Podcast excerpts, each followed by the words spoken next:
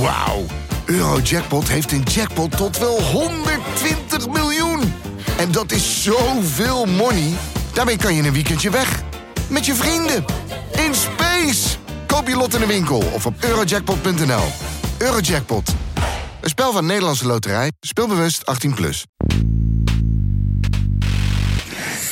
Dámy a pánové, dobrý den, vítejte na tisk. Ladies and gentlemen, on the 1st of July, we will assume our historic second presidency of the Council of the European Union. With a little exaggeration, we can therefore call it a test of maturity, a test that will not be easy in any case. Europe and uh, the whole world is undergoing a fundamental change uh, since the Russian invasion of Ukraine had shaken uh, all our certainties. Dit is Betrouwbare Bronnen met Jaap Jansen.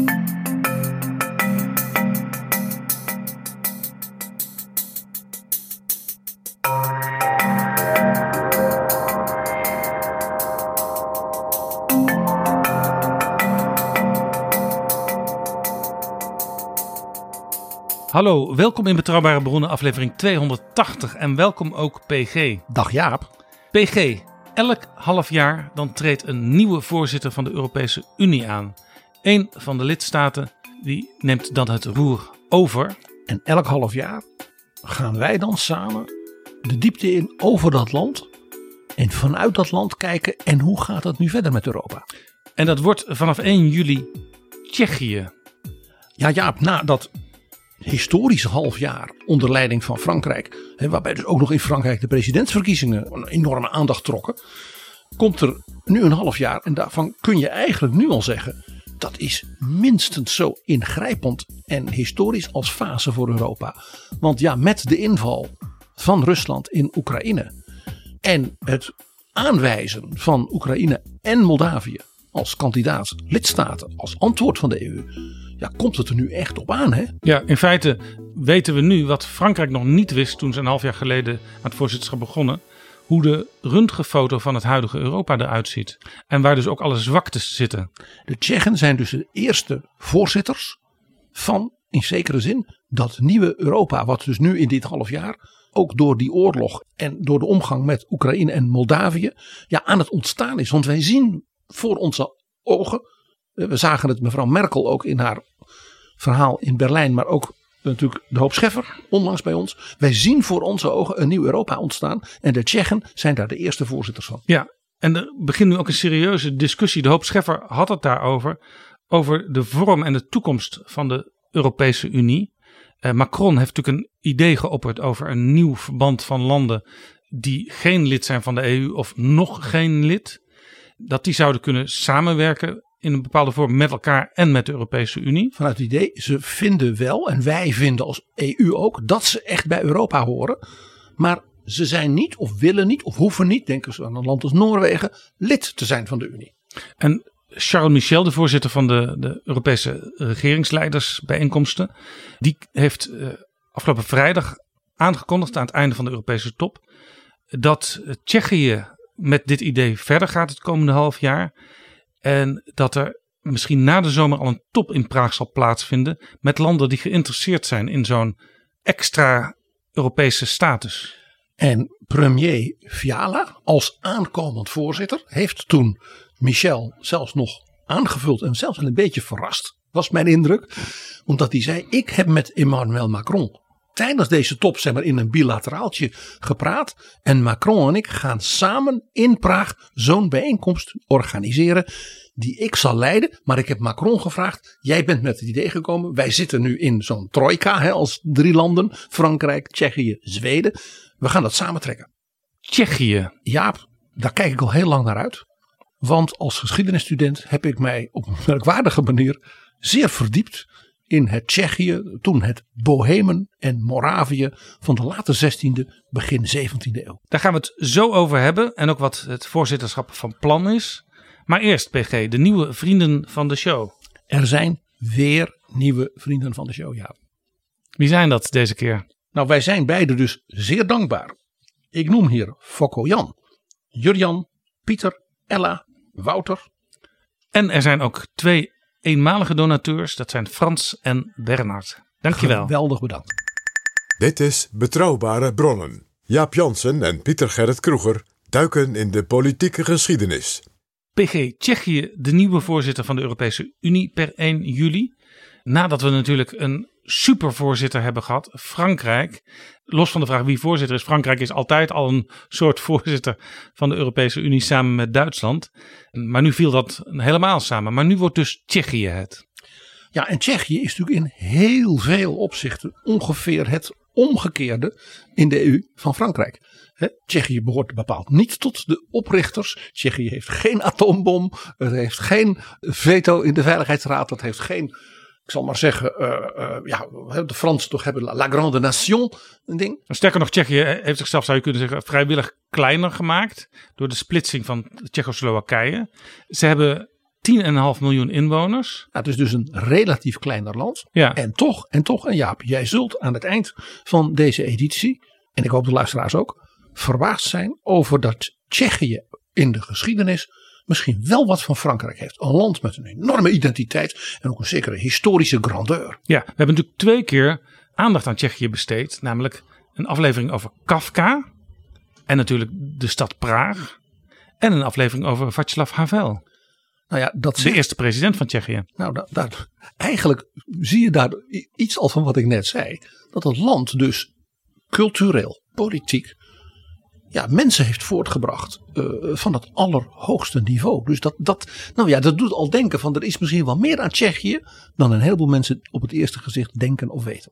De Tsjechen zelf, die hebben natuurlijk plannen gemaakt voor het voorzitterschap. Je zou kunnen zeggen dat is een voortzetting van wat Frankrijk al deed. En een aantal dingen die nu versneld moeten gebeuren door de inval in Oekraïne. Ja, want er was natuurlijk voorbereid, voorafgaand aan dat Frans voorzitterschap, een soort trio-agenda. Je hebt altijd die, die, die, die drie landen die als trojka eh, samen opereren. Dat zou dus nu Frankrijk, Tsjechië en dan de volgende Zweden. Daar stond natuurlijk nog geen woord. Ik zal maar zeggen Oekraïne, Poetin, Mariupol en Bushta in. Dus dat trojka-pakket is dus door de Fransen in gang gezet. Nou, de Tsjechen gaan dat voortzetten. Maar er is als het ware een soort tussenfase bijgekomen om een aantal dingen enorm te versnellen. Dan wel een aantal dingen te intensiveren. Dus, Ja. in- dus het voordeel daarvan is, opnieuw, dus dat de EU, hoewel elk jaar met een andere voorzitter, nog meer dan vroeger een coherent, middellange en zelfs lange termijn agenda aan het voeren is. En dat is echt te danken aan het ontstaan van die trojka's in de tijd van Delors. En is erg ontstaan door het intensiveren daarvan. En dat is vooral het werk van Jean-Claude Juncker geweest. Ja, Tsjechië is een klein land. De vorige regering, dat was de regering Babiš, Andrei Babiš, die had niet zoveel met de Europese Unie. En die besloot ook niet zoveel geld te gaan besteden aan de voorbereiding van dat voorzitterschap. Het budget voor het voorzitterschap was slechts een derde dan het voorzitterschap wat al eerder eh, geweest was. En, en de regering die er nu zit, dat is een andere regering. Dat mag je wel zeggen, ja. Dat is eigenlijk een regering die er is gekomen doordat ze de oude regering naar huis hebben kunnen sturen. Ja, over de actuele politiek van Tsjechië en van ik zeg maar, de gebeurtenissen in en rond Praag. Daar gaan we het zeker nog even over hebben. Want de huidige regering van premier Petr Fiala is een heel interessante en ook wat aparte coalitie. Dat bewaren we voor straks. Maar die regering zegt wel, wij gaan ons, eh, omdat we nu eenmaal niet alles kunnen doen, wij gaan ons concentreren op de dingen die echt zo urgent zijn, die geen enkel uitstel vergen. En een van de hoofdzaken is natuurlijk de energie in Europa. Tsjechië is ook een land wat kort geleden nog dwars lag toen er eh, besloten eh, moest worden over die energie. Want Tsjechië is voor 100% afhankelijk voor het gas van Rusland. En zij konden dus niet van de ene op de andere dag stoppen met die import. Onthoud Jaap, eh, dat is een belangrijk punt meteen aan het begin. ook, voor ook voor het historische verhaal. Tsje- Tsjechië is natuurlijk een van de weinige Europese landen in de EU zonder havens. Dat helemaal een binnenland is. Dus ook echt helemaal opgesloten zit tussen alle andere grote Europese machten. En in zekere zin een beetje in dat opzicht net als Hongarije. Ja, en de nieuwe premier Peter Fiala, die loopt natuurlijk af en toe tegen erfenissen van zijn voorganger aan. Een van de erfenissen is dat André Babiš ervoor gezorgd heeft dat eh, Tsjechië voor 100% afhankelijk werd van Rusland. Want in het verleden kwam nog ongeveer een kwart kwam uit Noorwegen. Eh, Ja, en de, Tsjechische regeringen voor de huidige hebben bijvoorbeeld ook gezegd: Nou, we gaan eh, samen met Rusland nog een extra kerncentrale ontwikkelen. Men zou dus ook nog op het punt van nucleaire energie en alle technologie die daaromheen zit, denk ook aan de beveiliging en dergelijke, volledig afhankelijk worden van Poetin. Meneer Babiš was een oligarch, was zeer dik met het Kremlin. En eh, toch even noteren, Jaap, eh, hij is met zijn partij nog altijd een actief lid van de Europese liberalen, van Macron en van Rutte. Ja, PG, ze hebben zelfs zes zetels in de fractie in het Europees Parlement. En dat is meer dan eh, een van de twee Nederlandse partijen, de VVD of D66. En dat in een land van 10 miljoen inwoners. Dus die Tsjechen zijn dus in die fractie ook invloedrijk. Even Jaap, ik beloof de luisteraar dat we een keer daar een aparte editie aan wijden. Als jij dat goed vindt. Namelijk de geschiedenis van die partijen in Europa. Want daar wordt toch vaak in Nederland ook vaak het meest muilend over gedaan. Eh, Ik kan mij goed herinneren dat tot men heel vaak mensen die het CDA welgezind waren in Nederland. altijd verweten dat Fidesz van Orbán bij het CDA hoorde. Nou, de Sociaaldemocraten hebben natuurlijk met die uit Slowakije. en bijvoorbeeld die uit Roemenië. nou ook wel twee hele erge zwarte schapen. zeg maar in hun stal. Eh, en zo hebben de Liberalen dat met de ANO-partij van meneer Babiš. En die geschiedenis van die familie en groepsvorming in Europa van de partijen. Daar moet je dus altijd met enige nuance naar kijken. En altijd als je een ander wat verwijt, denken. Nou, in mijn familie zit er vast ook nog wel een. Ja, want die partij van de nieuwe premier Peter Fiala, die zit in Europa bij de ECR. En daar valt ook heel veel over te zeggen. Maar als je erover begint, dan zijn we denk ik over een half uur nog niet klaar. Dat is heel interessant. Die zit in de ECR omdat toen ze begonnen als partij.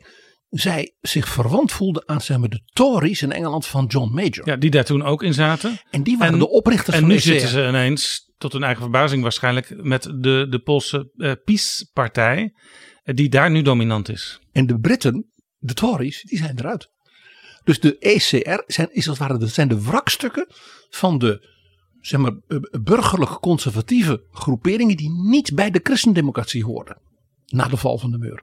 En zo dus dat die Tsjechische partij, die eigenlijk een soort ja, nette mensen eh, burgerijpartij is, wat sociaal conservatief, bijna een beetje CDA-achtig zou ja, in is- Nederland het zeggen. is ook in feite een coalitie, die partij van, van drie partijen, waarvan één zich ook eh, christendemocratisch noemt. Nou, de- de- dit bewijst dus ook weer dus dat de geschiedenis en de ontstaansontwikkeling van die Europese partijen dus heel veel nuances kent. Heel veel historische eigenaardigheden en verrassingen.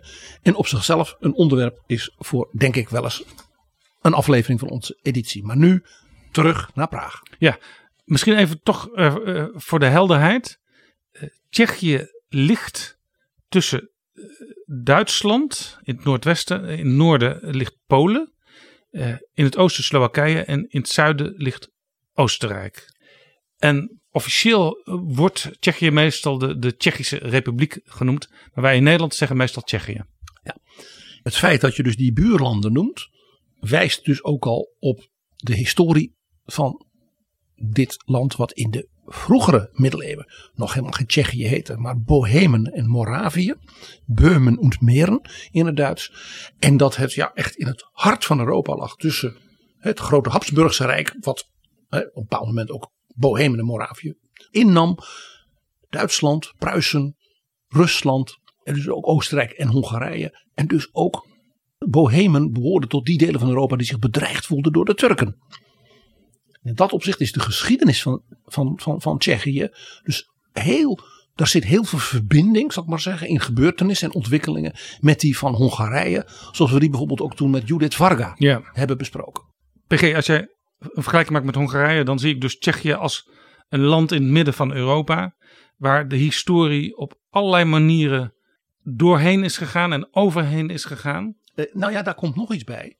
En dat is wel, daarin is ook Tsjechië echt anders dan Hongarije. Het is een land van een opvallende economische, politieke en ook zeg maar mentaal-culturele dynamiek in Europa. En dat is iets wat wij misschien in Nederland niet zo zien, maar bijvoorbeeld wat men in Duitsland en Oostenrijk wel ziet. Dus daar wil ik een aantal verrassende ontwikkelingen op dat punt ook even behandelen met jou. En ja, het is natuurlijk een Het is echt een spelen in Europa. Ook door die ligging waar ik al op wees. In het hart van Europa. Eh, En dat was het dus ook vele eeuwen. In de cultuur, in de economie, in de machtsverhoudingen. Grote politieke en eh, andere gruwelen. Maar ook enorme grandeur. En om een idee te geven hoezeer Tsjechië het centrum van de Europese economie, handel en zeg maar het mercantiele was. Wist jij dat het woord dollar, dat dat uit Tsjechië komt? Een dollar is een daalder. Wij hadden in Nederland vroeger de Rijksdaalder. Dat was dus de Ja. Rijkstaler uit de middeleeuwen. Waar kwam dat woord taler vandaan? Dat kwam van het stadje Joachimstaal. En was dus hè, Jochensdal, was een dorp, een stadje in Bohemen. En dat was de allergrootste zilvermijn van Europa. Dus de koningen van Bohemen waren dus uitermate rijk en uitermate machtig. En de daalder, de taler, kwam uit die zilvermijnen en werd daar geslagen. Dus de Tsjechische munt, zouden wij zeggen, was als het ware een soort euro van die tijd. En dus ook het voorbeeld uiteindelijk voor de Amerikaanse silverdollar. Exact.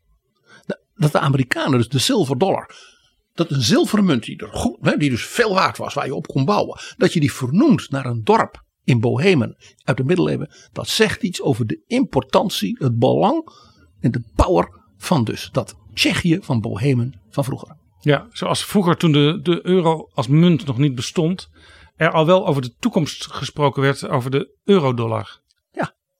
Dat is eigenlijk heel grappig. Een onbedoeld dus Tsjechisch. Nou Jaap, je merkt het al. eh, We, zitten al in het Bohemen en Moravië van de diepe middeleeuwen. Als je het hebt over hoe belangrijk ja, en wat voor een stempel dus dat Tsjechië blijkbaar op ons heeft gedrukt. Hè, letterlijk zelfs het stempel op die munt. Zonder dat we het ons misschien bewust waren. Ja, we hebben ooit een, een aflevering over het Habsburgse Rijk eh, gehad. En in zekere zin is Tsjechië dus ook zo'n land. Tsjechië was een essentieel onderdeel van zeg maar, het domein van het Huis Habsburg. En Bohemen was met Silesië, dat aan de noordkant ook een provincie van Bohemen in die tijd was, de allerrijkste en dus ook de meest ja, invloedrijke economisch voor zeg maar, de rijkdom van de keizer provincie van het hele Habsburgse Rijk hoe belangrijk Oostenrijk en Wenen natuurlijk waren en hoe belangrijk Hongarije ook was, geen provincie leverde de keizer zoveel op als het feit dat hij koning van Bohemen was. Want dat was een van de titels van de Habsburgse keizers. Ja. Gewoon één klein detail, Jaap, uit de cultuurgeschiedenis. Dat je beseft hoe belangrijk dus voor de Habsburgers Bohemen was. De keizer liet zijn zoon in de late 18e eeuw kronen tot koning van Bohemen. Tegelijkertijd met zijn huwelijk met een belangrijke prinses. Waarmee hij dus deze zoon werd voorbereid als het ware voor heel Europa te zichtbaar. Dat is dus dan de volgende keizer. En hij trouwt ook met deze en dan komt er weer een volgende generatie Habsburgers. Om dat luister bij te zetten, zodat heel Europa begreep hoe belangrijk dat was. Gaf de keizer een opdracht. De opdracht was aan de meest briljante jonge componist van die tijd, Wolfgang Amadeus Mozart, om een opera te schrijven speciaal voor dit feest. Dat was zijn beroemde opera La Clemenza di Tito, de mildheid van keizer Titus. Dus het ging over een keizer die beroemd was in de geschiedenis om zijn mildheid, zijn gulheid en zijn menselijkheid. Dus dat was puur een politiek signaal. Ja. En dat was dus voor die kroning en die trouwerij in Praag. Praag was een essentiële keizerlijke hoofdstad. Hoe kwam dat? Nou, allereerst natuurlijk door die ligging. In het Heilige Roomse Rijk der Duitse natieën van de middeleeuwen. Precies in het midden ligt Praag. Ligt Bohemen. En Praag ligt natuurlijk aan de Moldau, hè, die prachtige rivier. Maar de Moldau is een rivier die uitkomt in de Elbe. De Elbe is natuurlijk de rivier die door Zaksen, ja, zuid van Berlijn, uiteindelijk bij Hamburg in de Noordzee komt. Dus Dat- Tsjechië was een kruispunt in dat rijk. Tsjechië was het kruispunt van de handelswegen. En als er dan ook nog in die heuvels, ja, even west van Praag, de grootste zilvermijn, waardoor de koning van Bohemen als ware de leverancier van het geld van Europa was. Ja, dan begrijp je al dat Praag en dat Bohemen, dat was daar ging je heen. Nou, kijk naar Praag. Het is de mooiste stad van Europa, vind ik.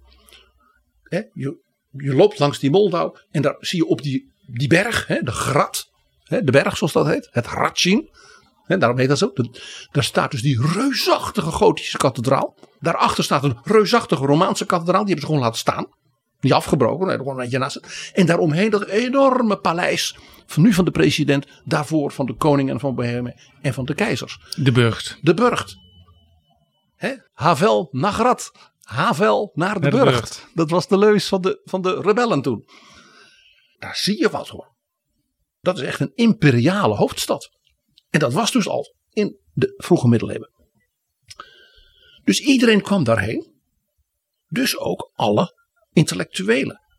Eh, ketters, joden, handelaren. Praag was een enorme multiculturele intellectueel centrum van Europa. Het feit dus dat een Frans Kafka hè, in die 19e eeuw, begin 20e eeuw, als Joodse sch- schrijver, als intellectueel, daar in Praag, ja, helemaal, ja, ja, dat hoorde bij die stad. Praag is altijd, dus eeuwenlang, eeuwenlang een essentieel cultureel, maar dus ook politiek en commercieel centrum in Europa geweest. En dat geldt eigenlijk, dat, dat, ja, dat strekt zich natuurlijk uit over dat hele omveld. Bohemen is bovendien ongelooflijk vruchtbaar. De keizer, nou ja, kon er, eh, haalde er niet voor niks zoveel belastinggeld Ja. uit. Dus de lander, landerijen, de stadjes, ja, de kastelen, de kerken, de kloosters. Het is allemaal, ja, je ziet nu nog, ondanks eh, de gruwelen eh, natuurlijk in de nazi-tijd en ook de ah, verarming natuurlijk in de tijd van het communisme. Maar als je in Bohemen ook over het platteland gaat en naar die middeleeuwse stadjes gaat, dan zie je hoe ongelooflijk rijk en kleurrijk en cultureel hoog ontwikkeld Bohemen als het ware in vroeger tijden was. En ik wil eigenlijk wijzen op twee perioden die misschien niet zo bekend zijn, zal ik maar zeggen, waarin Bohemen en Praag zeg maar, een enorme stempel op de Europese geschiedenis hebben gedrukt. Zodat je ook na die twee perioden, één namelijk in de 14e eeuw en één in de late 16e, vroege 17e eeuw, dat je ook begrijpt van ja, dat land en die stad hebben dus toen al zo'n stempel erop gedrukt. Geen wonder dat dat als we in de eeuwen nadien eh, ook cultureel eh, en nu ook weer dus in Europa nog steeds het geval is. Wat was die eerste fase? Ja, dat is het, de periode geweest dat het Heilig Roomse Rijk der Duitse natie werd geregeerd vanuit Praag. Ja, Rooms, eh, dan denk je natuurlijk meteen aan Rooms-Katholiek, maar het, het kwam oorspronkelijk uit Rome, van de Romeinen voort. Het is het Heilig Romeinse Rijk, dus het Imperium Romanum, maar dan heilig van Duitse volkeren. Hoewel natuurlijk wel heel lang eh, het katholiek geloof wel dominant was in Tsjechië. Het was heilig, dat Romeinse Rijk der Duitse natie, omdat het christelijk was. Dus het erkende de heiligheid van God, terwijl natuurlijk de Romeinse keizer natuurlijk alleen maar zichzelf Ja, God ja. Ja, dat is wel Die een verschil. voornamelijk zichzelf. Ja, dat is, een, dat is wel een verschil natuurlijk. Vandaar dus dat de, de, de keizer ook altijd gekroond werd. Sommige pauzen trouwens ook in de geschiedenis hebben we geleerd in betrouwbare bronnen. Zeker, zeker. Maar de keizer, dus die, die keizer, werd ook pas echt keizer als hij in Rome was gekroond door de paus. En de eerste die dat gedaan heeft was natuurlijk Karel de Grote. En daarmee het, Karel de Grote was natuurlijk het oermodel van de middeleeuwse keizer. En daarmee zijn we meteen bij deze Tsjechische prins. Die in de 14e eeuw keizer werd. Karel de Vierde. Karel de Vierde. Dan denk je, Karel. Inderdaad, dat is geen Tsjechische naam. Want zo heette hij ook helemaal niet. Hij was geboren als prins van het huis Premzil. Het huis Premzil, dat was een. Dat verbond zowel de familie Habsburg in zijn familie. als de familie van Luxemburg. En de familie Luxemburg, dan moet je even denken. die kennen wij in de Nederlanden ook. Want de familie Luxemburg was ook de familie Beieren. Dat was in die tijd dezelfde familie. En die kennen wij natuurlijk niet alleen van Jacoba van Beieren. maar natuurlijk ook aan de grote graaf Albrecht van Beieren. die Ja. 50 jaar lang Binnenhof. de, op het Binnenhof een van de grote Europese heersers was. En in diezelfde familie, en zelfs in de eerste jaren van die Albrecht in Holland, was er dus een Tsjechische prins en die heette Václav, net als Havel. Ja. heette. En dat is dus in het Duits Wenzel, ook wel in het, in het, in, van graag gelatiniseerd op de Wenceslas. En die werd keizer. En dat was een Europeaan, zouden wij nu zeggen.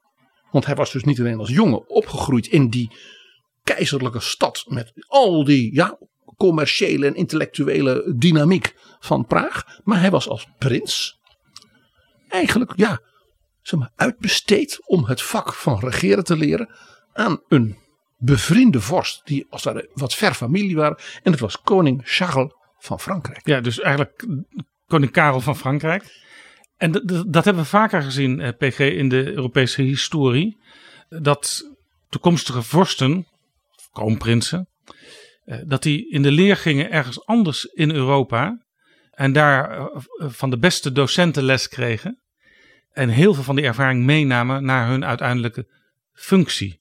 In die zin, ja, we leven nu niet meer in, in, in tijden van machtige vorsten. Maar we gaan natuurlijk wel bij elkaar kijken in Europa. Hoe functioneren dingen? En het komt regelmatig voor nu in Europa dat iemand minister-president wordt. die bijvoorbeeld een tijd in het Europees Parlement heeft gezeten. Ja, of uh, heeft uh, onderzoek gedaan in een ander Europees land. of in de Verenigde Staten of in Japan of wat dan niet. Maar we hadden het een tijdje geleden, Jaap, over de Nederlandse paus, Adrianus. Die de leermeester was in Leuven en in Gent van de Spaanse ja. prins die de later de keizer van Duitsland werd. Heel vergelijkbaar. Karel ja. V. Zijn voorganger was dus Karel IV, vele eeuwen daarvoor. En die, die heette dus eigenlijk, was dus prins Waatslaf van het huis Premzil. Ja. Het koningshuis maar dat van hij Bohemen. dus ook Karel heette, dat kwam omdat uh, er inmiddels best veel vorsten waren die al Karel geheten waren. Dat werd ook een soort traditie. Ja, het hele bijzondere is dat uh, hij dus die koning Charles in Parijs eigenlijk als een soort tweede vader beschouwde. Uh, hij heeft dus echt jaren daar aan het hof als een soort adoptief kind van de Franse koning. Praag was natuurlijk ook cultureel niet mis.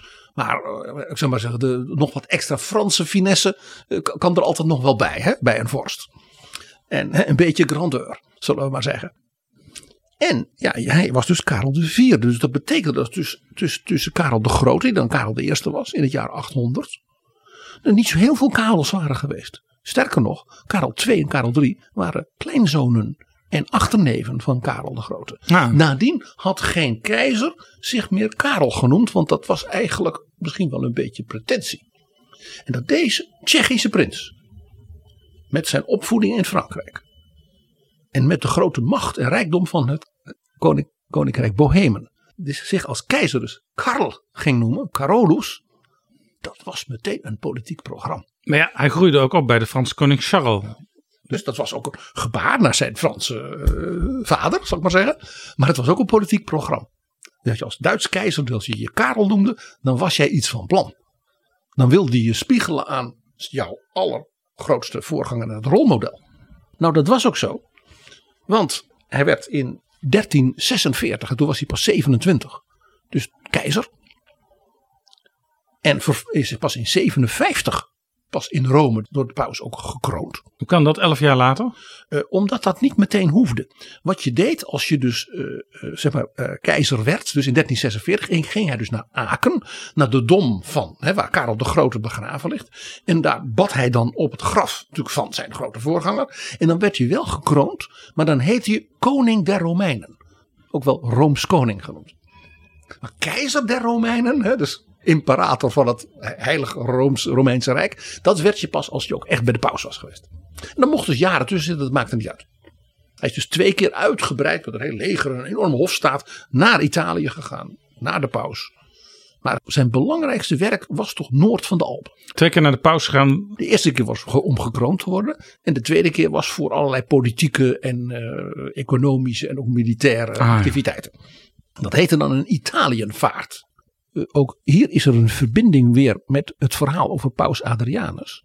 De paus die hem kroonde was de biechtvader geweest van koning Charles van Frankrijk. Ah, Dus dat was ook een van zijn leermeesters geweest. Net als paus Adrianus van Karel V was dit een van de leermeesters van Karel IV. het is weer het verhaal van de elite waarin iedereen uiteindelijk elkaar kent. Jaap, hoe vaak heb jij dat al niet met enige verbazing genoteerd? Men kende elkaar toch uiteindelijk allemaal. Dat is niet iets van nu, maar dat was zelfs in de middeleeuwen al het geval. Precies. Nou, eh, wat heeft deze keizer, want hij regeerde dus van 1346 tot 1378, dus dat is echt lang, zeker ook voor die tijd. Wat heeft hij allemaal gedaan? Dat we ons hem nu nog herinneren en dat ik zeg van, eh, dat was het moment wat bewees hoe Bohemen en Praag een stempel op de Europese geschiedenis hebben gezet. Ja. Nou, ten eerste, hij trad nog niet aan in 1346 of meteen ging heel Europa en dus ook zijn enorme eh, Duitse Rijk door een ongekende crisis. Namelijk, ja, wat herkenbaar voor nu, de meest verschrikkelijke pandemie in de Europese geschiedenis. De, pest. Zwarte Dood. De pest. Ja, 1346, 47, 48, 49. Dus wat hij moest doen, was als het ware eh, het stabiliseren van de consequenties daarvan voor het Rijk. Daarbij had hij één geluk. Eén van de regio's in Europa waar de Zwarte Dood heel weinig heeft toegeslagen, was toevallig Bohemen, Moravië, Silesië en zeg maar wat wij ook nu zouden zeggen delen van Slowakije en Zuid-Polen. Hoe kon dat? Dat weten we niet. Want het kan niet komen door dat. Kijk, Tsjechië, het huidige Tsjechië bevindt zich tussen bergen. Maar het was niet geïsoleerd, want je hebt net verteld dat het juist economisch van groot belang was. Het was een, het was een bijenkorf van economisch, politiek en, en, culturele co- connecties. Dus het is eigenlijk een soort wonder wat Ja. daar gebeurd is, Ja. dat ze er grotendeels van gevrijwaard bleven. Heel opmerkelijk, er zijn een aantal plekken in Europa waar dat dus meeviel, om maar even zo te zeggen. En er zijn ook delen van Europa geweest waar natuurlijk de- helft van de bevolking eh, Ja. omkwam. Heel opmerkelijk. Dat maakt het dus voor hem ook mogelijk om als vorst tijdig, wij zouden zeggen, stabiliserende maatregelen te nemen. Een van de dingen die hij bijvoorbeeld deed, was dat hij zei, waar mogelijk eh, moeten we dus de economie weer herstellen. En weer een impuls geven. Ja, ja, maar het is zo modern als wat. Het is net of je de EU hè, na corona hoort. Hè, dus een resilience fund. Dus hij is dus beroemd om de vele publieke werken die hij heeft gedaan. En waar je dus ook nog heel veel, zelfs nu nog in Praag bijvoorbeeld, van ziet. En in Bohemen. De beroemde Karelsbrug. Ja, Tussen het noord- en het zuiddeel van de stad over de Moldau. Die heet naar hem. ja Dat is de zijn- brug met al die mooie lantaarntjes en waar altijd muzikanten staan. En al die beelden. Dat is dus een 14e eeuws ja, mega-object. Want dat was het. Om dus de, ja, de, de- letterlijk de commercie en de communicatie in die stad te bevorderen. Hij heeft ook even buiten Praag. Ook om de economie te stimuleren zouden wij nu zeggen. Het Karlstein gebouwd. Karlssteen, nou je hoort het al. Dat was een, kunt er nu nog heen. Een enorm paleis, kasteel. Ook om dus te bevorderen dat er geregeerd werd. En dat dus men dus weer naar Praag kwam. En eh, laat ik zeggen, de zaak dus niet instorten. Dat kasteel, ja, daar heeft hij de allerbeste, zouden wij nu zeggen, jonge kunstenaars uit heel Europa laten komen. Echt duidelijk ook een project om de mensen weer als het ware werk te geven en eh, te stimuleren. Hij heeft in de grote zaal in het Karlstein portretten laten maken van alle keizers.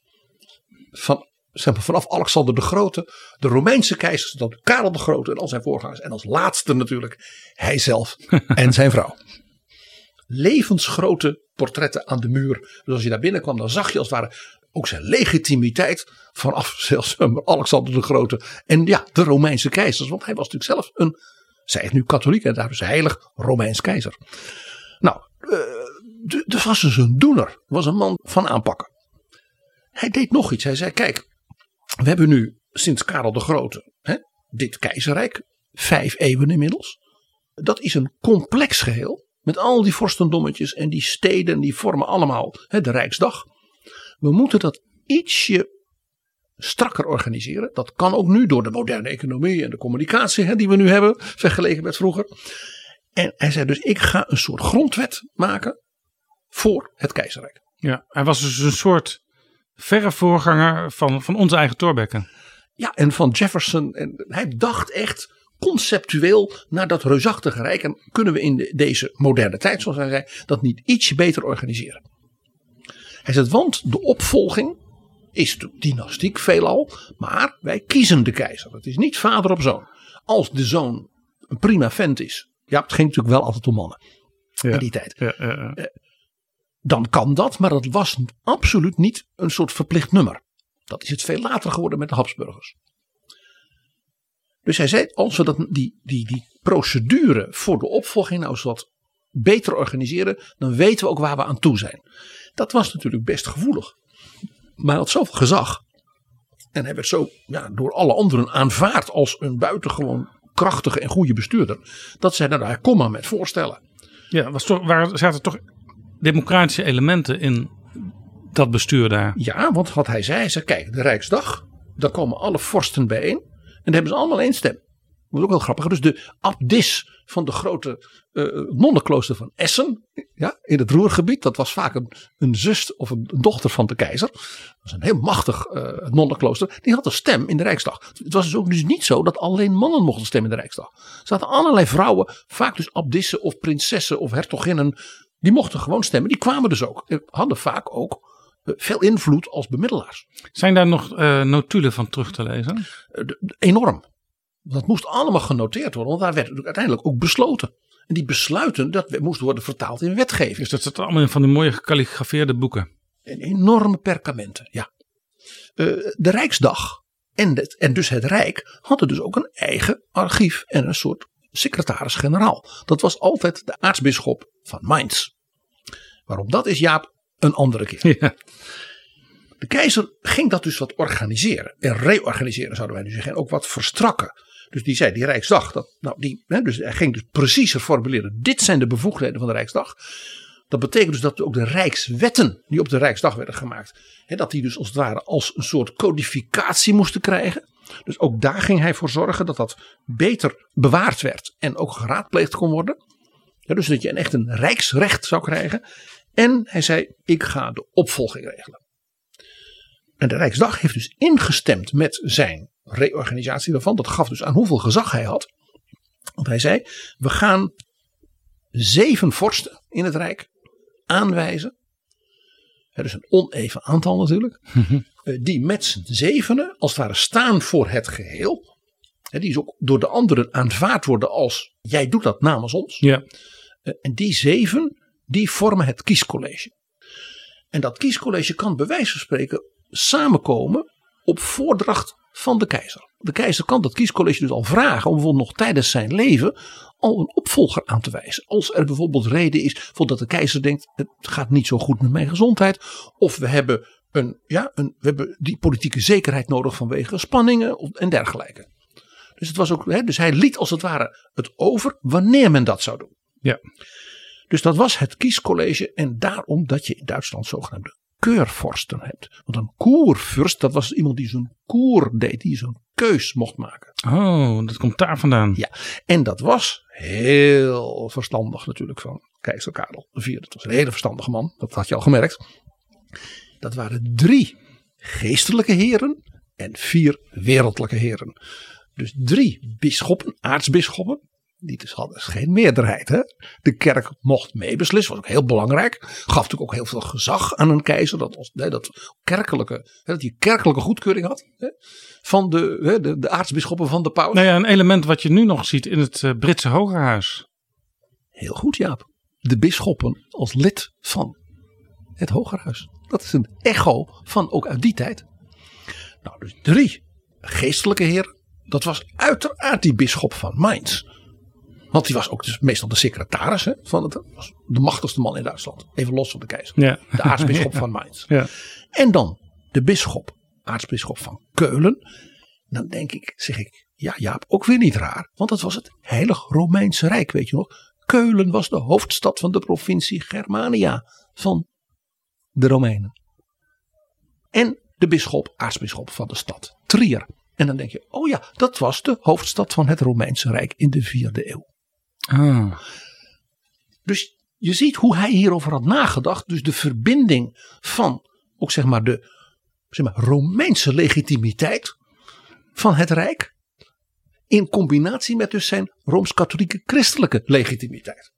Maar ja, dat waren er drie. Dus er waren ook vier niet-geestelijke heersers. Dus dat waren vier vorsten. En één daarvan, je raadt het al, was de koning van Bohemen. Hij zorgde natuurlijk wel dat hij en zijn nazaten een van die vier waren. En dat was ook terecht, vond ook de rest. Want ja, dat Bohemen was zo machtig, zo invloedrijk, lag zo centraal. Had zo'n grote rol dat de koning daarvan een van de keurvorsten was. Dat sprak voor zich. Dan was er natuurlijk eentje in het westen langs de Rijn. He, cruciaal eh, Ja. eh, handelsgebied ook eh, politiek essentieel. En dat was natuurlijk dan dus de keurvorst van de Pfalz. Dat was dus meteen naast de vrije rijksstad Frankfurt, hè, Frankfurt aan de Main, waar dus de keizer ook altijd werd gehuldigd in de Dom. Dat was een vast iets. Na de verkiezing door de keurvorsten, dan werd dus die gekozen vorst, die liep dan naar de Dom van Frankfurt en werd daar als voor het eerst als de toekomstige, dus nu net aangewezen keizer, dus gezalfd en dan dat was een groot feest. We hebben de Pfalz, we hebben Bohemen, de derde van die wereldse heersers, dat was de keurvorst van Brandenburg. Dan begrijp je, dan zat je dus in het noorden en het oosten van het Duitse keizerrijk. En een vierde was natuurlijk de keurvorst van Sachsen. En dat was dus de buurman van Bohemen. Heel centraal gelegen, ook aan de Elbe en ook op het wegenkruispunt van Europa. Denk de Leipziger Messe, hè, waar dus de hele Europa zijn handel dreef. Dan kwamen ze allemaal bij elkaar in Leipzig. Ja, dus, dus de, de, de grote macht lag, eh, als je het gewoon naar de kaart van nu zou kijken, bij waar het huidige Duitsland ligt. Ja, maar in het midden dus Brandenburg, Sachsen, Bohemen. Dus je ziet eigenlijk een soort, soort, soort ja, drie vorsten die als het ware elkaars buren waren. Vanaf de Oostzee, richting het oosten ook.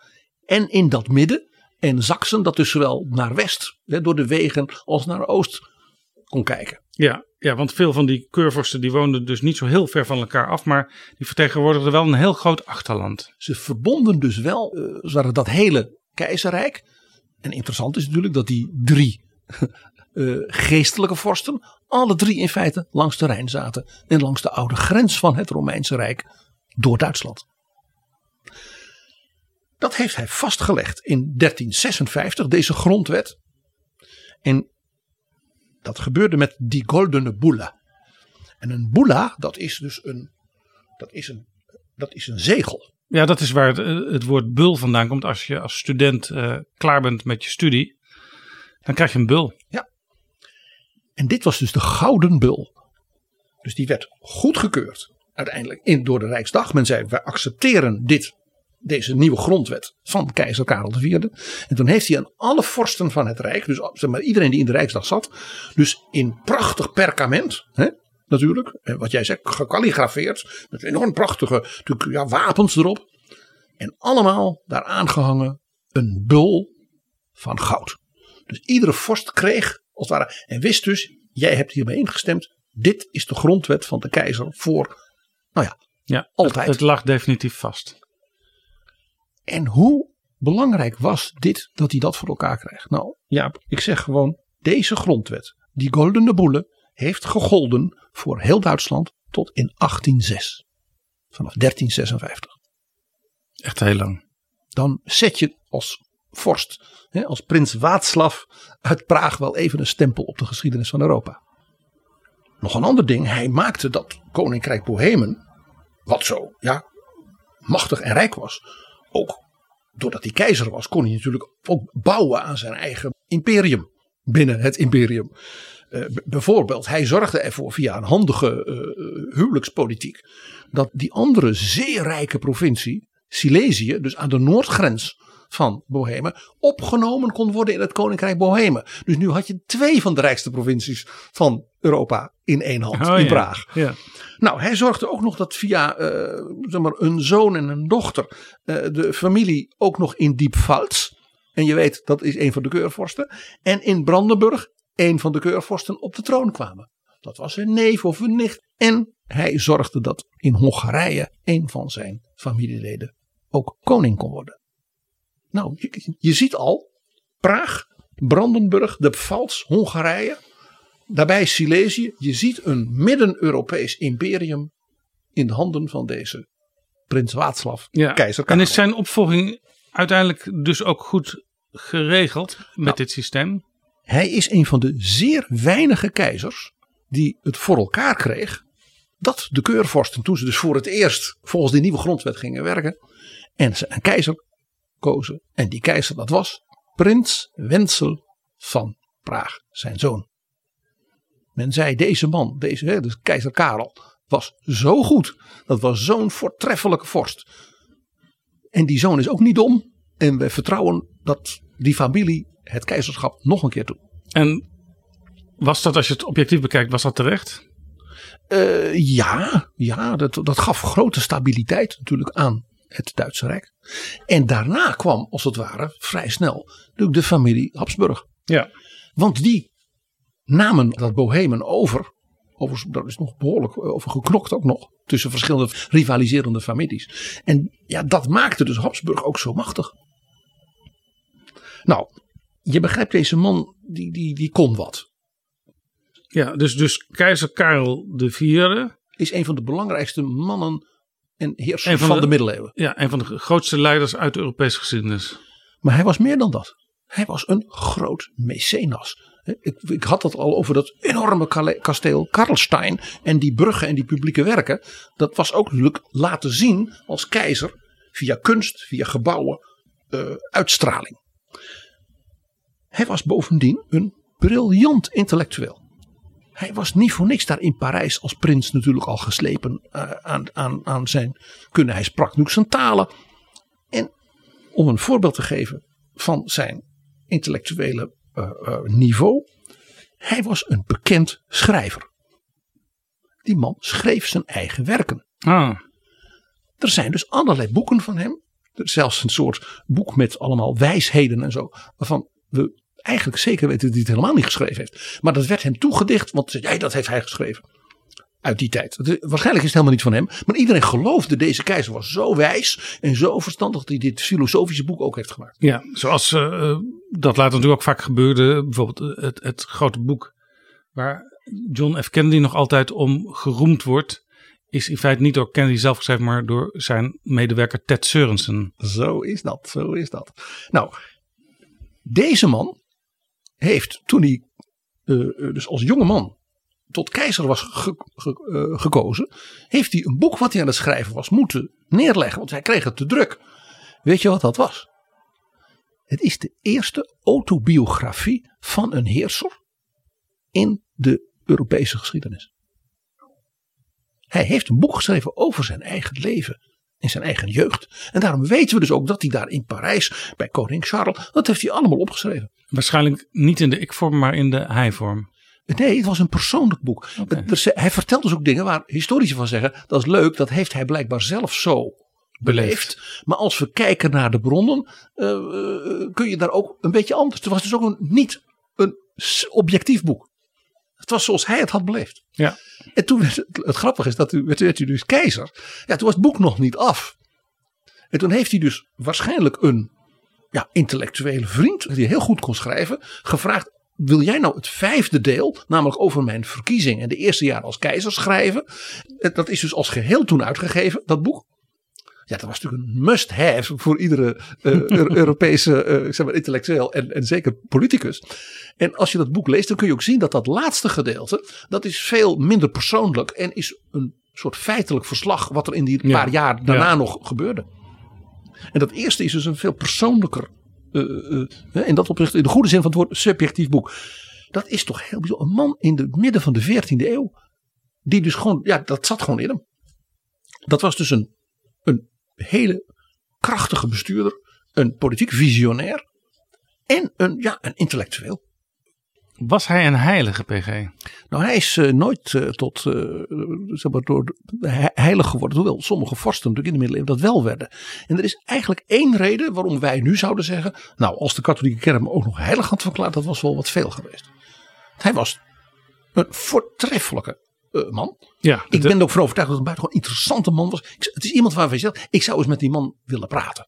Je hebt wel eens van die mensen in de geschiedenis. Je denkt, dat lijkt mij een interessant iemand. Gewoon. Maar het was geen heilige. Hij heeft bijvoorbeeld uh, toen tijdens de Zwarte Dood uh, moest natuurlijk van alles gebeuren. Uh, hij heeft niet erg krachtig opgetreden, hier en daar een beetje, tegen de enorme pogroms, tegen de Joden, waarvan sommige mensen dachten dat die daarachter zaten. Ja, ja die kregen de schuld. Ja. En er zijn dus hele erge Jodenvervolgingen geweest. hij heeft wel hier en daar dan gezegd, dat moet u niet doen. Maar hij had zoiets van, ja, dat is vervelend. Nou ja, dus hij had bij al zijn krachtige persoonlijkheid en uh, misschien als keizer daar wat, nou ja, wat meer van zichzelf kunnen laten horen, zouden wij ja. zeggen.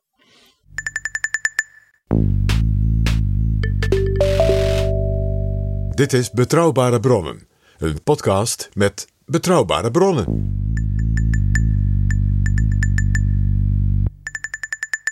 NPG en ik praten verder over Tsjechië vanaf 1 juli 2022, voorzitter van de Europese Unie.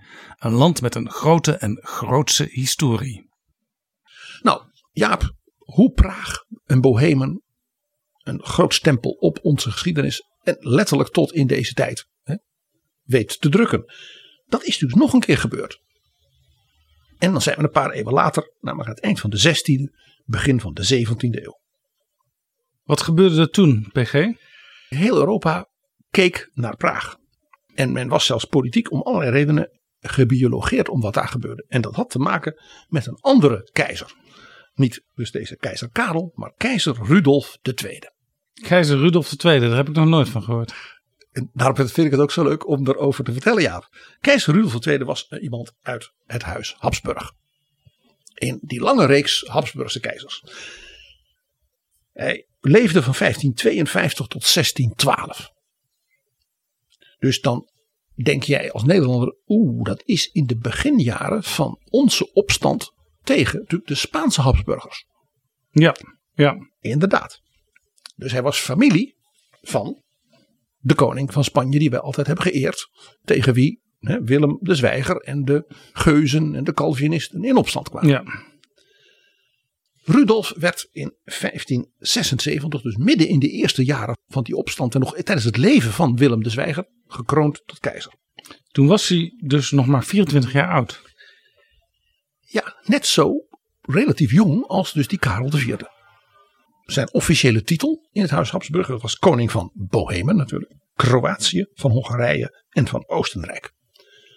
Zijn residentie was Praag en dat was het niet een beetje. Hij heeft eigenlijk zijn hele leven in Praag gewoond en is ook bijna nooit de stad verlaten. Hmm. Hij, hij was, vond men, mensenschuw. En woonde dus in die enorme burcht.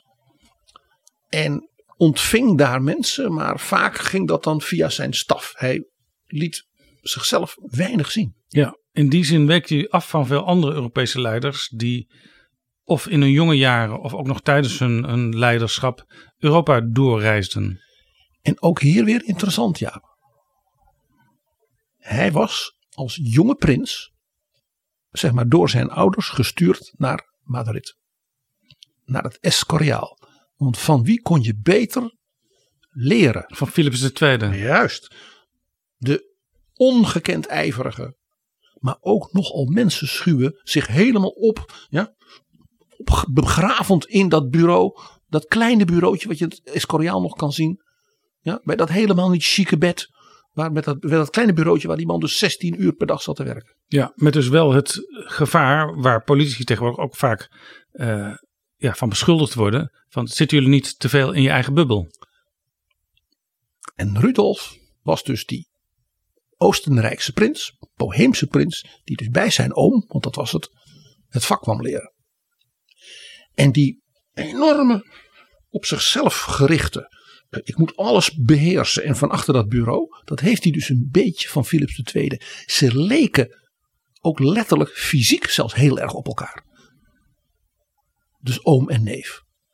Als je de eh, schilderijen ziet, dan zie je in Rudolf Philips II. Ja, Ze hadden dus heel veel dingen, ook qua karakter, gemeen. Hij was, net als Philips II een, en, en Karel IV, die werd het van, een enorme kunstkenner, mecenas, verzamelaar, geïnteresseerd in de wetenschap, in alles. Hij was bijvoorbeeld enorm geïnteresseerd in alles wat met het heelal te maken had. maar wat was zijn politieke betekenis? Zijn politieke betekenis was dat hij van zijn leermeester Philips II één ding had geleerd. Als je je helemaal obsessioneel richt op ik moet hè, als koning van Spanje van dat enorme wereldrijk. Ik moet die ketterij bestrijden hè, daar in de Nederlanden en in Engeland. En dan ga je er uiteindelijk aan. Rudolf II bewonderde dus Philips II, had alles van hem geleerd. Leek dus ook hè, in zijn belangstellingen, cultureel en zo, op zijn oom. Maar politiek had hij de les geleerd, dit niet. Dus hij zocht naar verzoening. Hij zei, we moeten proberen dat er geen godsdienstoorlogen komen. Hè, wat daar in de Nederlanden gebeurt. Hij was natuurlijk ook een vroom katholiek, hè, zoals alle Habsburgers. Maar het verbranden van die ketters. Ga je nou daar de mensen hun harten mee voor het geloof winnen? Ik dacht het niet. Hij was bijvoorbeeld zeer bevriend met de belangrijkste rabbijn van Europa in die tijd. Rabbi Leuf van Praag. Dat was de belangrijkste zeg maar, Joodse intellectueel van die tijd. En die kwam heel vaak bij de keizer. Dan gingen ze samen eten. En dan gingen ze discussiëren over het geloof, over politiek. Maar En wat al niet. kwam dit nou voort, dit idee dat je dus eh, die diversiteit ook een beetje moest koesteren? Kwam dat voort uit politieke berekening? Zo van, ik zie dat dat misgaat tussen eh, mijn oom in Spanje en die mensen in Nederland. Of was er ook sprake van een ethisch imperatief bij Rudolf? Nou, bij Rudolf speelde ook dat hij zei: Ik ben keizer van, een, van dat enorme rijk. En koning hier in Bohemen. En de werkelijkheid is nu eenmaal dat die katholieke kerk is gebroken. Je hebt daar die Calvinisten, je hebt de, de Lutheranen, die heb ik ook hier. Ik heb in Hongarije, was een heel sterk Calvinistische eh, eh, eh, groep was daar. Die ook heel veel met de Nederlanden samenwerkte. Hij zei, ik heb hier, ik, Praag is mijn stad. Ik ben hier altijd. Praag is het centrum van de Joodse cultuur in Europa. Ja. En ik kan het ook niet helpen. Ik weet als katholieke jongen toch ook wel dat onze, onze lieve vrouw, de heilige maagd, een Jodin was. Ja, dus, dus, dus het was eigenlijk eh, eh, pragmatisch omgaan met de gegevenheden. De, de, de katholieke kerk was gebroken, zoals jij dat zegt. In feite zou je kunnen zeggen, het christendom bestond inmiddels uit meerdere stromingen. Vele. En hij accepteerde dat. Hij zei, daar moet je mee, daar heb ik mee te werken. Maar ook zijn belangstelling dus voor wat er allemaal in wetenschap en, en intellectueel in Europa gaande was, had daar ook mee te maken. Hij zei, ik wil die dingen weten. Nou hadden we het eerder bij Karel al over de paus in Rome, die natuurlijk een eh, zware vinger in de pap had in het Heilige Roomse Rijk. Dit was inmiddels Habsburg. Maar hoe was die verhouding tussen Rudolf en de paus? Nou, hij eh, had ook in de familie Habsburg, natuurlijk vanuit de Spaanse hoek zal ik maar zeggen, eh, de nodige tegenwerking. Dus zijn lijn als keizer was bepaald niet, ik zal maar zeggen, breed, breed polderconsensus binnen het huis Habsburg. Men stond niet met open mond te kijken van wat doet hij dat goed daar. Er werd ook heel veel over hem geroddeld. Want hij was niet getrouwd.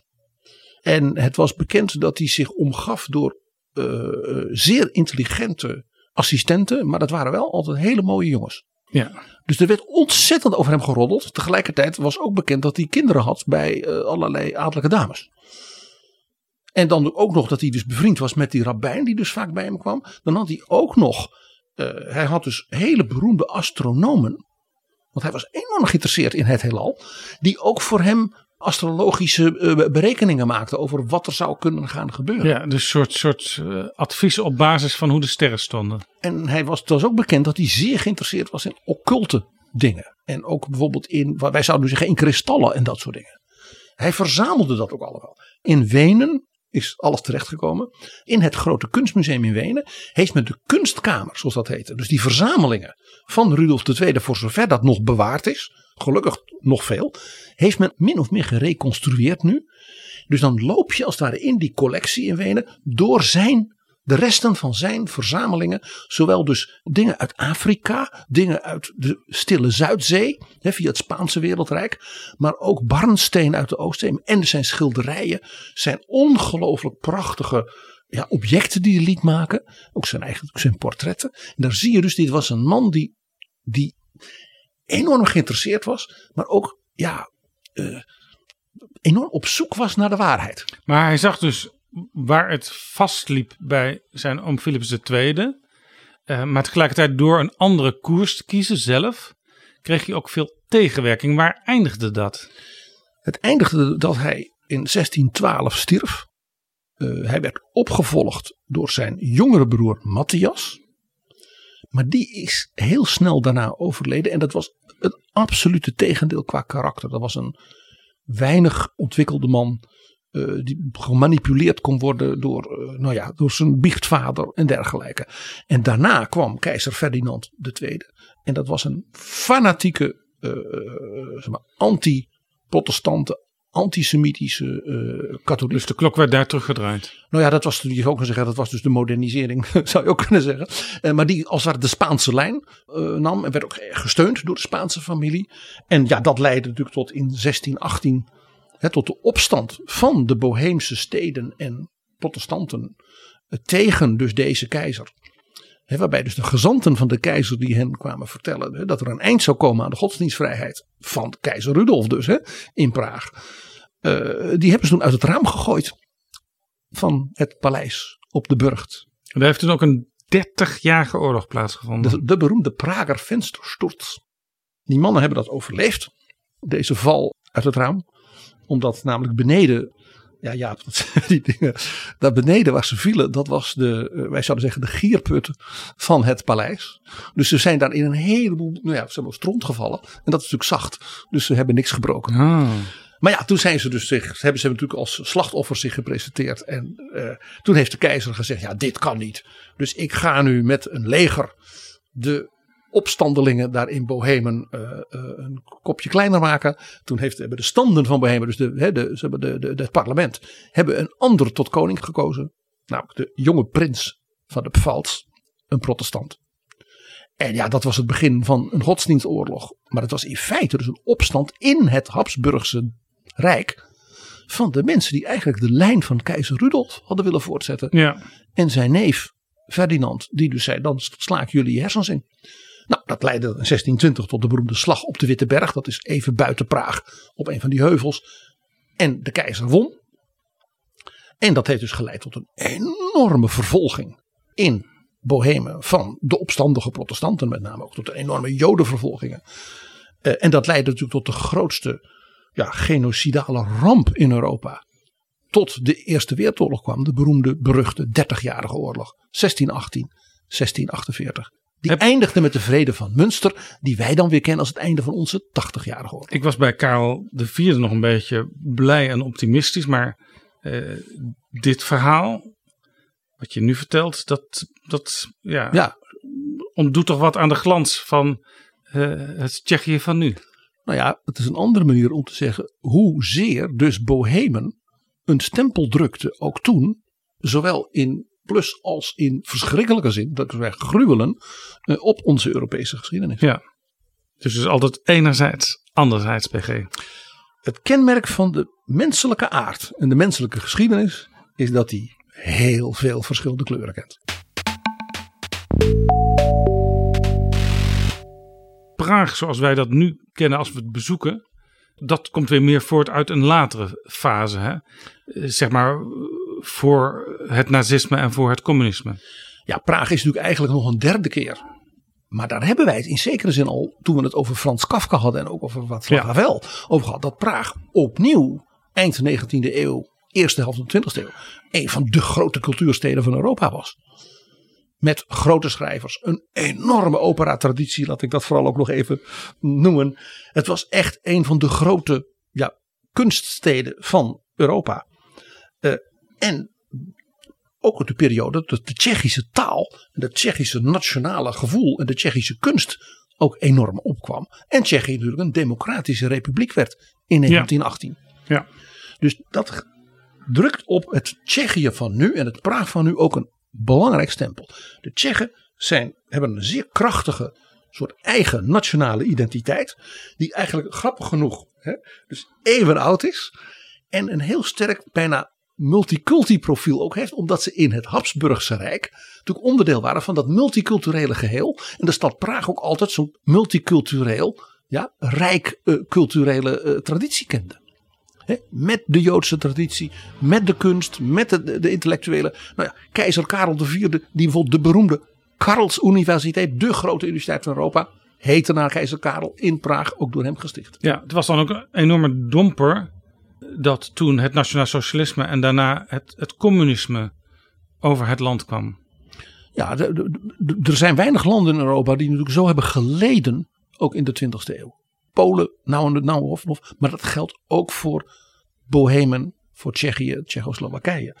Eh, vergeet niet de, de verschrikkingen natuurlijk in de nazi-tijd. Eh, ja, de, de, de echte, de, de verschrikkelijke moord op de grote Joodse gemeenschap. Ja, van Praag, maar ook van eigenlijk alle stadjes in Bohemen. Dan natuurlijk de verschrikkingen in, van, van, van in de Stalinistische tijd. He, ze hadden nog heel even na 45 de hoop dat de democratie terugkwam. Nou, toen is natuurlijk de, meneer Masaryk, hè, hun, de democratische leider, die viel zogenaamd uit het raam. Ja, nou, daarna dus een echt verschrikkelijke Stalinistische uh, terreur. Dan natuurlijk onder Brezhnev dat men ook de eerste begin van ietsje meer menselijke soort communisme. Hè? Het socialisme met een menselijk gezicht van Dubček. Nou, wam. Ja, daar kwamen de tanks. Dat drukt niet alleen een stempel op, op het Tsjechië van nu. Maar ook, dat heeft dus de Tsjechen enorm ja, gestaald. In de zin van, ze zijn trots op de democratie die ze hebben. Dat zag je ook met Havel. En hoe die zei van wij gaan nu van Tsjechië weer de democratie maken die het altijd heeft willen zijn. En die het ook al eerder is geweest. Ze zijn dus ook trots op ja, dat ze het hart van Europa zijn. Hun grote culturele ja, en, en, en, intellectuele tradities. En ja, dat besef ook. Ja, uit de middeleeuwen waar ik over vertelde. Wij zijn de brug in Europa. Precies in het midden. Tussen Noord en Zuid en tussen West en Oost. En daarom is het ook zo boeiend dat nou juist nu de Tsjechen voorzitter van de Europese Unie zijn. Ja. En zoals we al bij Havel zagen, Jaap, weet je nog, dat hij zei: Ik ben ontzettend voor de EU. Ja. Maar ik ben misschien nog wel meer voor de NATO. Want we moeten onze democratie en onze waarden niet alleen maar economisch bundelen. We zullen ze ook moeten verdedigen. Wij hebben als Tsjechen genoeg gezien uh, in onze geschiedenis. Ja. Wat, wat, er kan gebeuren als een tiran je wil, uh, wil onderdrukken. Ja. Ze werden overigens ook uh, eerder lid van de NAVO dan van de Europese Unie. Havel zei ook, ik maak daar vooral snel werk van. Die EU, daar moeten we nog een hoop wetgeving ook aanpassen. Zullen we ook doen. Maar de NATO heeft in de tijd prioriteit. Dat is dus heel kenmerkend voor ze hebben een stukje Tsjechische nationale identiteit. Die lijn van Havel, die zie je in de stukken van de regering Fiala. Nu voor het Europees voorzitterschap. Opnieuw. Natuurlijk zeggen ze we moeten nog meer dan de Fransen al van plan waren. De defensiesamenwerking binnen de EU intensiveren. Dat moet allemaal veel beter. Maar ze zeggen er nog iets bij. En dat is helemaal dat punt van EU, maar vooral ook NATO. Ze zeggen in dat stuk dat ze de handelsovereenkomsten van de EU met andere grote economische centra in de wereld, bij voorkeur ook democratische landen, denk dus Korea, Japan, Australië en Canada, die willen we afronden. En dat moet, dat moet meer tempo in. En ze zeggen, ik lees nu voor, we moeten de transatlantische samenwerking verdiepen door een EU, Verenigde Staten Handels- en Technologieraad op te richten, die zich moet richten op de strategische samenwerking tussen de Verenigde Staten en de EU. Dit is zo'n typisch, zo'n Tsjechisch accent. Daar zouden de Fransen niet meteen mee komen. Maar zoals Havel zei, Europa moet met Amerika samen zijn waarden en ook zijn vrijheid verdedigen. En dat zie je dus nu binnen het Europees voorzitterschap van de Tsjechen opnieuw naar boven komen. Dit is heel interessant, want uh, de Amerikaanse president Bush had het ooit over het oude en het nieuwe Europa en het nieuwe Europa. Dat bedoelde hij toen de Oost- en Midden-Europese landen die nieuw lid werden van de NAVO en ook van de Europese Unie. En als je het hebt over strategisch naar de wereld kijken samen met de Verenigde Staten, eh, daar zullen de Verenigde Staten heel blij mee zijn. Eh, want die vonden de laatste jaren dat Europa nog niet al te veel idee had van de rol die China in de wereld aan het spelen is. En in zekere zin helpt het Tsjechische voorzitterschap dus ook de Verenigde Staten een beetje om wat meer communicatie weer met Europa hierover te krijgen. Maar dat is dit kleine 10 miljoen mensenland. Zegt wij, wij willen werk maken van een EU-Amerika handels- en technologieraad. Die dus gezamenlijk lange termijn strategie moet ontwikkelen. Dat is een heel interessant en vernieuwend element. Komt nog iets bij. Zij wijzen ook expressies verbies in dat stuk op de noodzaak reeds nu een lange termijn plan te maken voor de wederopbouw van Oekraïne. Dus dat Marshallplan idee, waar we ook in het gesprek met Caspar Veldkamp uh, het over hadden, zit nadrukkelijk in het Tsjechische voorzitterschapspapier. Ja, Tsjechië heeft overigens, als je het over defensie hebt, ook uh, tamelijk veel eh, wapentuig ook aan Oekraïne geleverd de afgelopen tijd. En ze hebben zelf ook wel zwaar te lijden als Tsjechië onder de vluchtelingenstroom. Op een gegeven moment uh, zei de nieuwe premier Peter Fiala zelfs: uh, wij kunnen nu niet meer vluchtelingen opnemen. Dat geeft ook aan dat ze in het midden van Europa zitten, eigenlijk heel dicht bij Oekraïne. Ja, het, er is een opmerkelijk aspect hierbij. Deze nieuwe Tsjechische regering heeft ook een duidelijke gezamenlijke lijn ten aanzien van Oekraïne met bijvoorbeeld Polen en met Roemenië en ook Slowakije. En uh, zijn dus heel nadrukkelijk merkbaar bezig uh, Orbán te isoleren. Deze regering van Viala heeft ook het zogenaamde Visegrad-akkoord van Hongaren, Polen en Tsjechen in feite opgeblazen. Ja.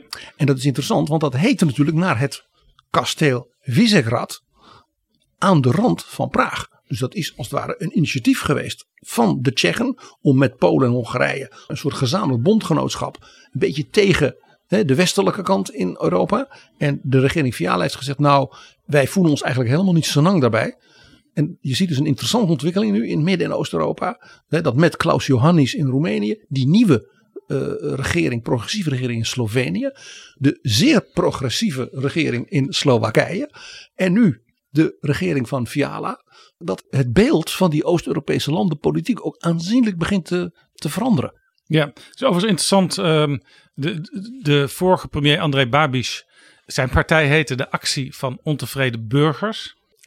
Deze partij van Fiala heet de Democratische Burgerpartij. Bestaat eigenlijk uit drie partijen, waaronder ik zei het al, een soort christendemocratische partij. En de regering, daar moet je nog twee partijen bij optellen. Dus in feite is het, zijn drie partijen eigenlijk vijf partijen die de regering vormen. En uh, de premier zelf, Fiala, die is, die is veel pro-Europeeser dan zijn voorganger. Maar hij komt uit een partij waar een aantal mensen nog steeds wel tot de echte eurosceptici horen. Dus hij moet ook een beetje in zijn eigen directe omgeving laveren. Ja, Fiala heeft een heel interessant cv. Hij is een relatieve laatkomer in de politiek, zou ik kunnen zeggen. Hij was de rector van de Universiteit van Brno. Een belangrijke universiteit, ook een hele oude universiteit. Ja, hij is ook minister van Onderwijs geweest. En hij was minister van Onderwijs. En toen was hij wat van die meer christendemocratische, wat sociaal-conservatieve christendemocraten binnen die partij. Dus hij heeft als het ware die eurosceptische vleugel wat naar de rand gedrukt, om maar zo te zeggen, in die partij. En die wat meer klassieke christendemocratische kant wat naar voren gehaald. Ja, dat heeft hem ook geholpen ja. bij het maken van dus deze regering, waarmee hij die Babi's dus ten val bracht. Want daardoor kon hij met ook een andere, wat kleinere christendemocratische partij, ook een soort sociaal-conservatieve, denk maar een beetje de Beierse CSU-achtig. Daar kon hij dus goed mee. Dus daar heeft hij een alliantie mee gesloten. Dan heeft hij ook nog een soort anticorruptie, dus anti-Babiš liberalen. Die zeiden wij vinden die Babiš, die, die man moet weg. En wat natuurlijk heel apart is, ze hebben een groep, ja wij zouden zeggen een soort, ja in Nederland moeilijk te vergelijken, maar een soort voltachtig iets. Maar Ja, ook van die studentenpartij, die studentenpartijen die je in de steden hebt. En die, dat is in, in Praag is dat de Piratenpartij. Ja, Maar dat zijn vooral, als ik het, als ik het voor Nederlands moet zeggen, het zijn, het doet een beetje aan voldenken, maar er zijn wel veel beta's. Er zijn heel veel mensen uit de ICT-hoek. Oh, En oh, dat is dus een hele aparte coalitie van dus, zeg maar, vrij conservatieve eh, christenen, anticorruptieliberalen en jonge eh, eh, beta-types. Overigens tegen die André Babiš loopt op het moment nog een rechtszaak wegens, wegens corruptie. En ook Dienstpartij, wat dus een heel populistische groepering was, was enigszins divers als het ging over Europa. Want de Europese commissaris van Tsjechië, dat is Vera Jourova, die komt uit die partij van Babiš. En eh, zij deed in de vorige commissie deed ze justitie en nu is ze eh, vicepresident. Ze houdt zich onder andere bezig met eh, Europese waarden en transparantie. En zij heeft altijd van Babiš persoonlijk wat afstand gehouden. Zij is een enorme aanhanger, dat was ook duidelijk toen ze justitiecommissaris was, van de rule of law en van vrijheid van media. Zij noemt zichzelf een centristisch politicus, een klein beetje naar links neigend. Ja, je ziet dus ook dat in deze landen natuurlijk de maar, het, het soort tradities zoals wij dat kennen. Met politieke families. Heb je ons vanuit de verzuiling. En in Duitsland vanuit de Adenauer en zo, hè, ik maar zeggen. En Willy Brandt. Dat is in die land ook allemaal heel vers. Dus, dus, dus ik ben ook altijd, dat, dat weet je Jaap, ook toen in ons, ons gesprek met Judith Varga. Altijd wat vooral belangstellend en minder snel oordelend over de partijen in dat soort landen. Dit is Betrouwbare Bronnen. Nou ja, Jaap, eh, vijf dingen zegt eh, Viala in zijn stuk voor het komend half jaar. Eén, de crisis rond de vluchtelingen en de post-war recovery van Oekraïne zijn mijn allereerste prioriteit. Dus hij kijkt nu al Marshallplanachtig à la Casper Veldkamp ja, naar de toekomst. Dan twee, energieveiligheid. Drie, een sterkere Europese capaciteit rond defensie. En hij wijst daarbij in het bijzonder op cyberspace. Dus zowel eh, cyber als ruimtevaart en Europa. Derde punt zet ja, de strategische resilience van de Europese economie. Dus na de, de, eh, zware economische klappen door de pandemie. En natuurlijk nu ook met de oorlog. Waarbij hij dus dat als bijzonder accent die Europees-Amerikaanse strategische raad. En hij zegt de resilience van democratische instituties. We moeten dus de instituties in Europa gewoon nog eens goed onder de loep nemen. Kunnen ze steviger? Kunnen ze ook meer democratische aspecten krijgen? En dat is duidelijk een gevolg van uh, de toekomstconferentie en de ideeën die daar op tafel ja, zijn gekomen. Nou ja, en het sluit ook mooi aan bij wat de hoop Scheffer zei over uh, kan het huidige Europa uh, de enorme uitbreiding die er toch weer aan staat te komen wel aan met de huidige systemen. Hè? Bijvoorbeeld het vetorecht op buitenlands beleid.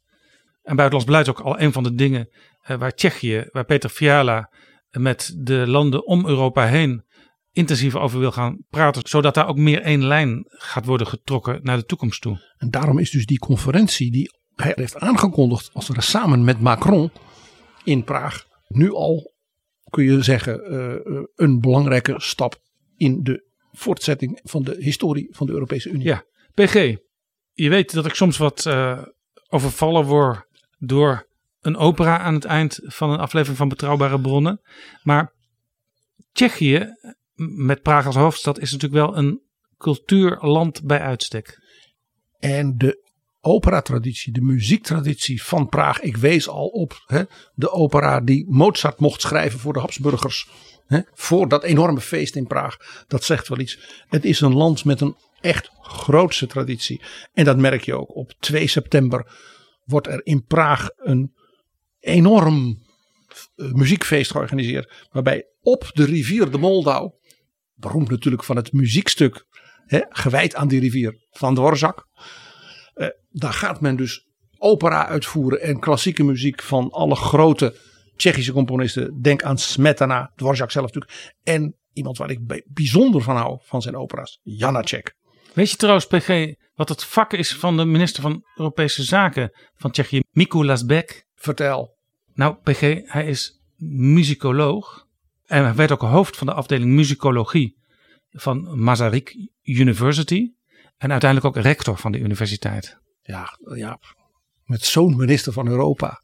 Dan weet ik waar we mee gaan eindigen. Want misschien wel het meest geliefde opera-stuk van de hele Tsjechische traditie is van Dvorak. De componist die we natuurlijk vooral kennen van zijn symfonieën. Ja. Maar hij heeft een opera geschreven die in de hele wereld wordt uitgevoerd. Al was het maar vanwege die ene aria. Want de opera zelf is een draak van een stuk. Ik geef het eerlijk toe. Het verhaal is niet te vertellen. Het gaat over een waternimf die verliefd is op een prins. en hou op. Maar ja, die ene aria. Het lied tot de maan. Dus die waternimf die kan dan in de nacht. Mag ze dus dan uit het water komen. En dan hij mag ze aan haar prins denken. En dan zingt zij haar lied over de liefde tot de maan. En dat was een van de echte, zeg maar, signature tunes van de grote Amerikaanse sopraan Renee Fleming. The Song to the Moon. De Metropolitan Opera in New York, want die gaan we nu horen, heeft zelfs deze opera nog één keer speciaal voor haar op het repertoire gezet. En dan ook in alle bioscopen in de wereld vertoond, die dat mooi vinden. toen zij zei... Je hebt ongetwijfeld in een van die bioscopen zitten kijken en, luisteren. Wij, ik zat daar, Jaap, ik zat daar. Want zij zei, ik ga toch zo langzamerhand, gelet op mijn leeftijd, een aantal opera's niet meer zingen. En wat andere dingen nu doen. Verstandige vrouw Dus die natuurlijk. draak van een opera die werd opgevoerd Alleen op dat voor het- haar en van vooral vanwege dat lied. zodat nog één keer heel opera minnend, niet alleen New York, maar de hele wereld, René kon horen in het lied tot de maan van Dvorak.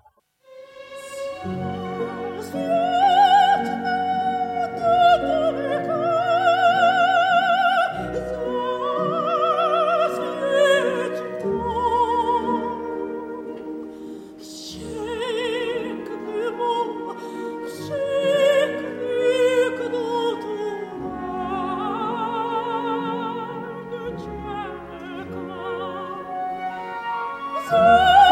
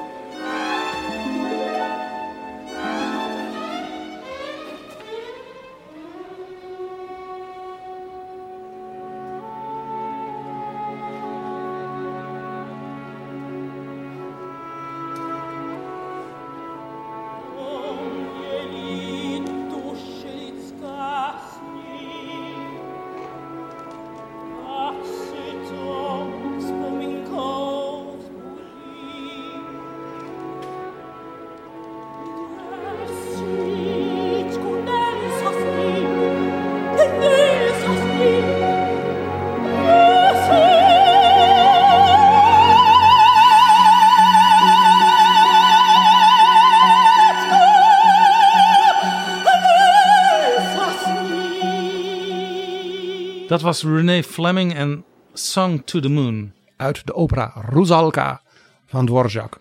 En dat speciaal voor het Tsjechisch EU-voorzitterschap. Dankjewel, PG.